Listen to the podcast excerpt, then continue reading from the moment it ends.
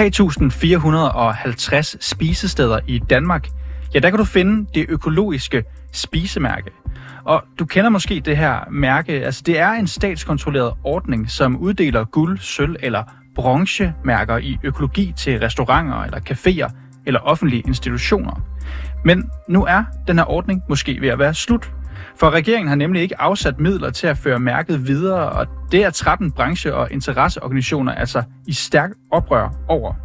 Men betyder det virkelig noget for økologien, at staten kan uddele et øformet guld, sølv eller bronzemærke?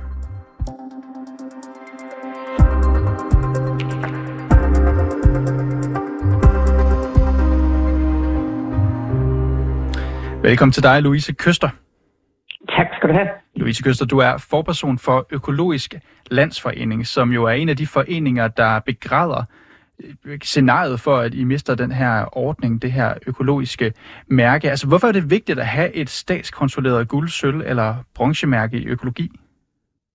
Jamen det er vigtigt, øh, fordi at øh, når vi som samfund anerkender, at der er nogle køkkener, øh, og nogle øh, faglige professionelle, der gør en indsats for at få mere økologi og dermed mere bæredygtighed ud på tallerkenerne, øh, så, så er det ret øh, håndfast og, og, og en, et vigtigt øh, øh, opbakning til, at øh, det faktisk nytter. Så derfor er det økologiske spisemærke øh, rigtig vigtigt.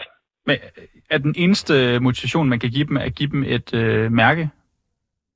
Nej, vær sikker på, at man kan give dem rigtig meget andet motivation, men ligesom når vi skal lave andre forandringer, så er det godt at have nogle rammer og nogle værktøjer til at kunne lave de forandringer. Det er faktisk det, det økologiske spisemærke er. Det er et styringsværktøj for, for køkkenerne, og så er det også et, øh, et godt mærke for os forbrugere at kunne navigere efter. Mm. Og hvis I kigger fra, fra forbrugernes synspunkt her, tror du virkelig, at der er nogle almindelige mennesker, som ikke arbejder i et køkken, mennesker som for eksempel mig, der bemærker, at deres kantine har fået en økologisk guld- eller sølvmedalje? Det kan jeg jo spørge dig om, om du lægger mærke til. det kan jeg så sige, det har jeg ikke lagt mærke til. Nej, men øh, det håber jeg, at du har. At det ved jeg faktisk, at der er ude i de store virksomheder, der lægger medarbejderne mærke til, om deres kantine har en, øh, øh, har et spisemærke. Og hvorfor lægger de mærke til det? Det gør de, fordi så ved de, at deres arbejdsplads tager del i den øh, store omstilling, som vi er i gang med, nemlig med at skabe en mere bæredygtig fødevareproduktion. Nu, nu spurgte du mig, om jeg har lagt mærke til det. Ved du, om det er noget, som folk derude lægger mærke til? Folk, der er på arbejdspladser med kantiner? Ja, det er faktisk en af de ting, vi gerne vil gå ned og undersøge nærmere nu og sige, hvor stor er genkendeligheden til det. Øhm, det er jo sådan, at, at øh, ø-mærket, som du, jeg håber, du kender og lægger mærke til, når du er ude og handle, øh, har jo en meget stor tillid og en meget stor troværdighed.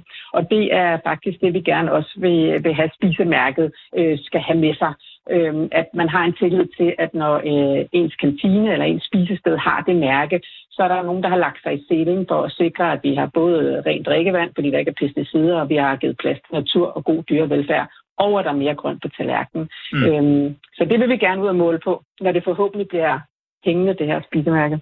Men det jeg bare skal forstå, Louise Køster, har I lige nu et overblik over, hvor bredt kendskabet er til det her økologiske spisemærke?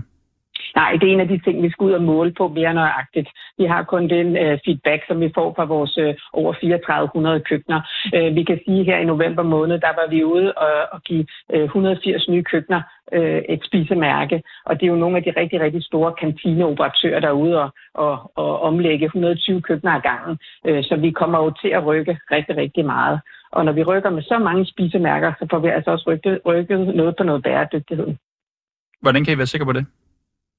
Jamen det kan vi, fordi at det er sådan, at når du øh, skal omlægge dit køkken øh, med det økologiske spisemærke, så får du faktisk ikke flere penge øh, til at købe råvarer for. Og som vi ved, så er økologiske råvarer lidt dyre, fordi de er dyre at producere.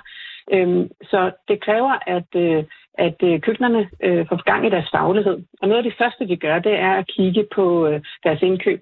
Og kød er dyre, så derfor kommer der flere øh, grøntsager på tallerkenen. Og det er jo et af de parametre, vi ved, når vi snakker klima øh, og bæredygtighed, så er flere grøntsager øh, end et, et håndtag. Det de også kigger på, så det er selvfølgelig at skrue ned på, på det animalske del på tallerkenen. Når de så til gengæld køber kød eller køber mejeriprodukter, så køber de noget af en god kvalitet og kun økologisk. Så allerede der, så ved vi, at det flytter på bæredygtigheden. Så kigger de på madspild. Fordi når man, skal, man ikke får så mange penge, eller flere penge til sin råvarer, så begynder man at kigge, ja, kan man sige, nose to tail, også på sin gullerød. Hvad kan skralderne bruges til? Hvad kan toppen bruges til? Det gør så, at der ikke er særlig meget madspild. Øh, så det er også et bæredygtighedsparameter, man, øh, man kan skubbe på der. Mm. Så det ved vi faktisk. Mm. Lad os lige kigge på det fra politisk hold, fordi som jeg også startede med at sige her, så er det jo regeringen, der har besluttet, at de ikke vil bruge de her 6 millioner kroner årligt på at uh, have den her ordning.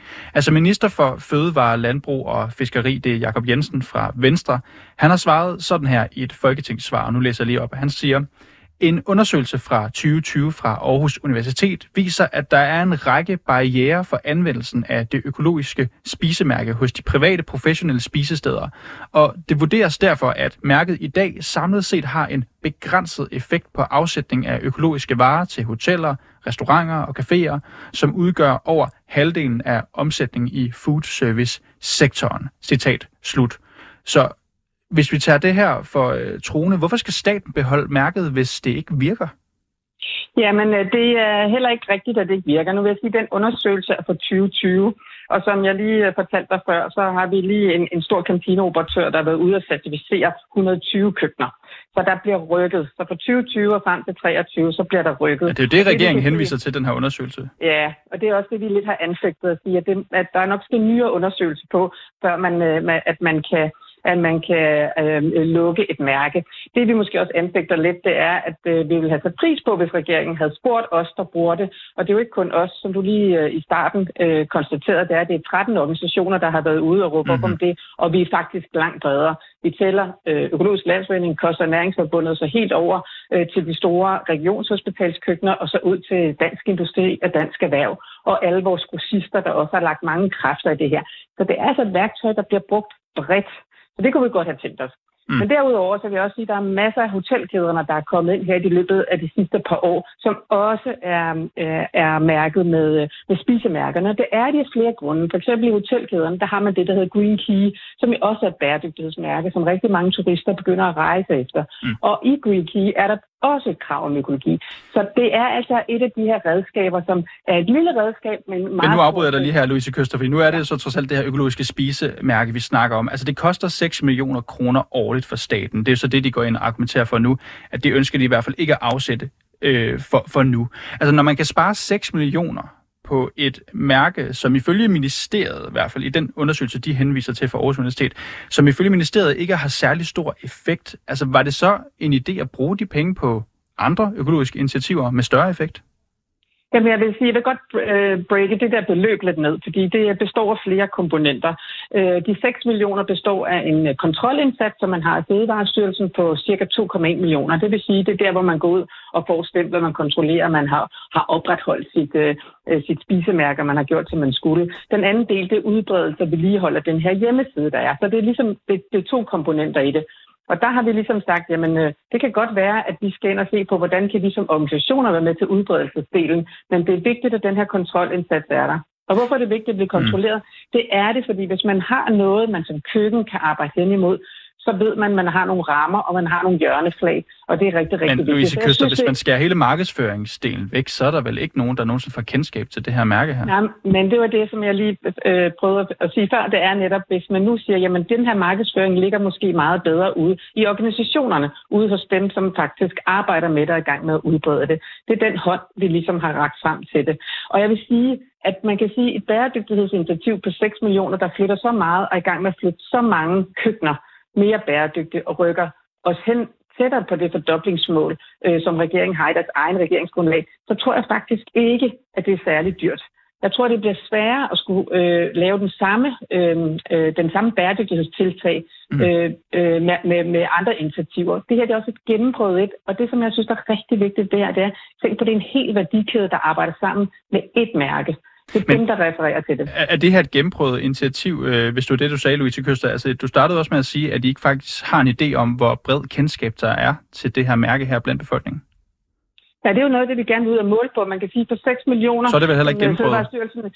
Og hvis det er det antal køkkener, der er, så synes jeg, det er ved at være rigtig godt gennemprøvet, og vi flytter rigtig meget. Du kan jo se, det flytter økologi, når man har de her mærker. Det, det siger det jo sig selv, for det er procentdelen, der gør det.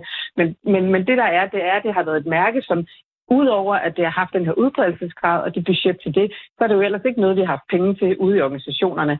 Øhm, så det har været fra projekt til projekt, vi skulle, at, vi skulle, øh, at vi skulle udbrede det på den her måde. Så det vi godt kunne tænke os helt klart, det er at sige, jamen lad os få mål på det. Og så lad os kigge på, hvad det er for potentiale, det har til at kunne rykke endnu mere.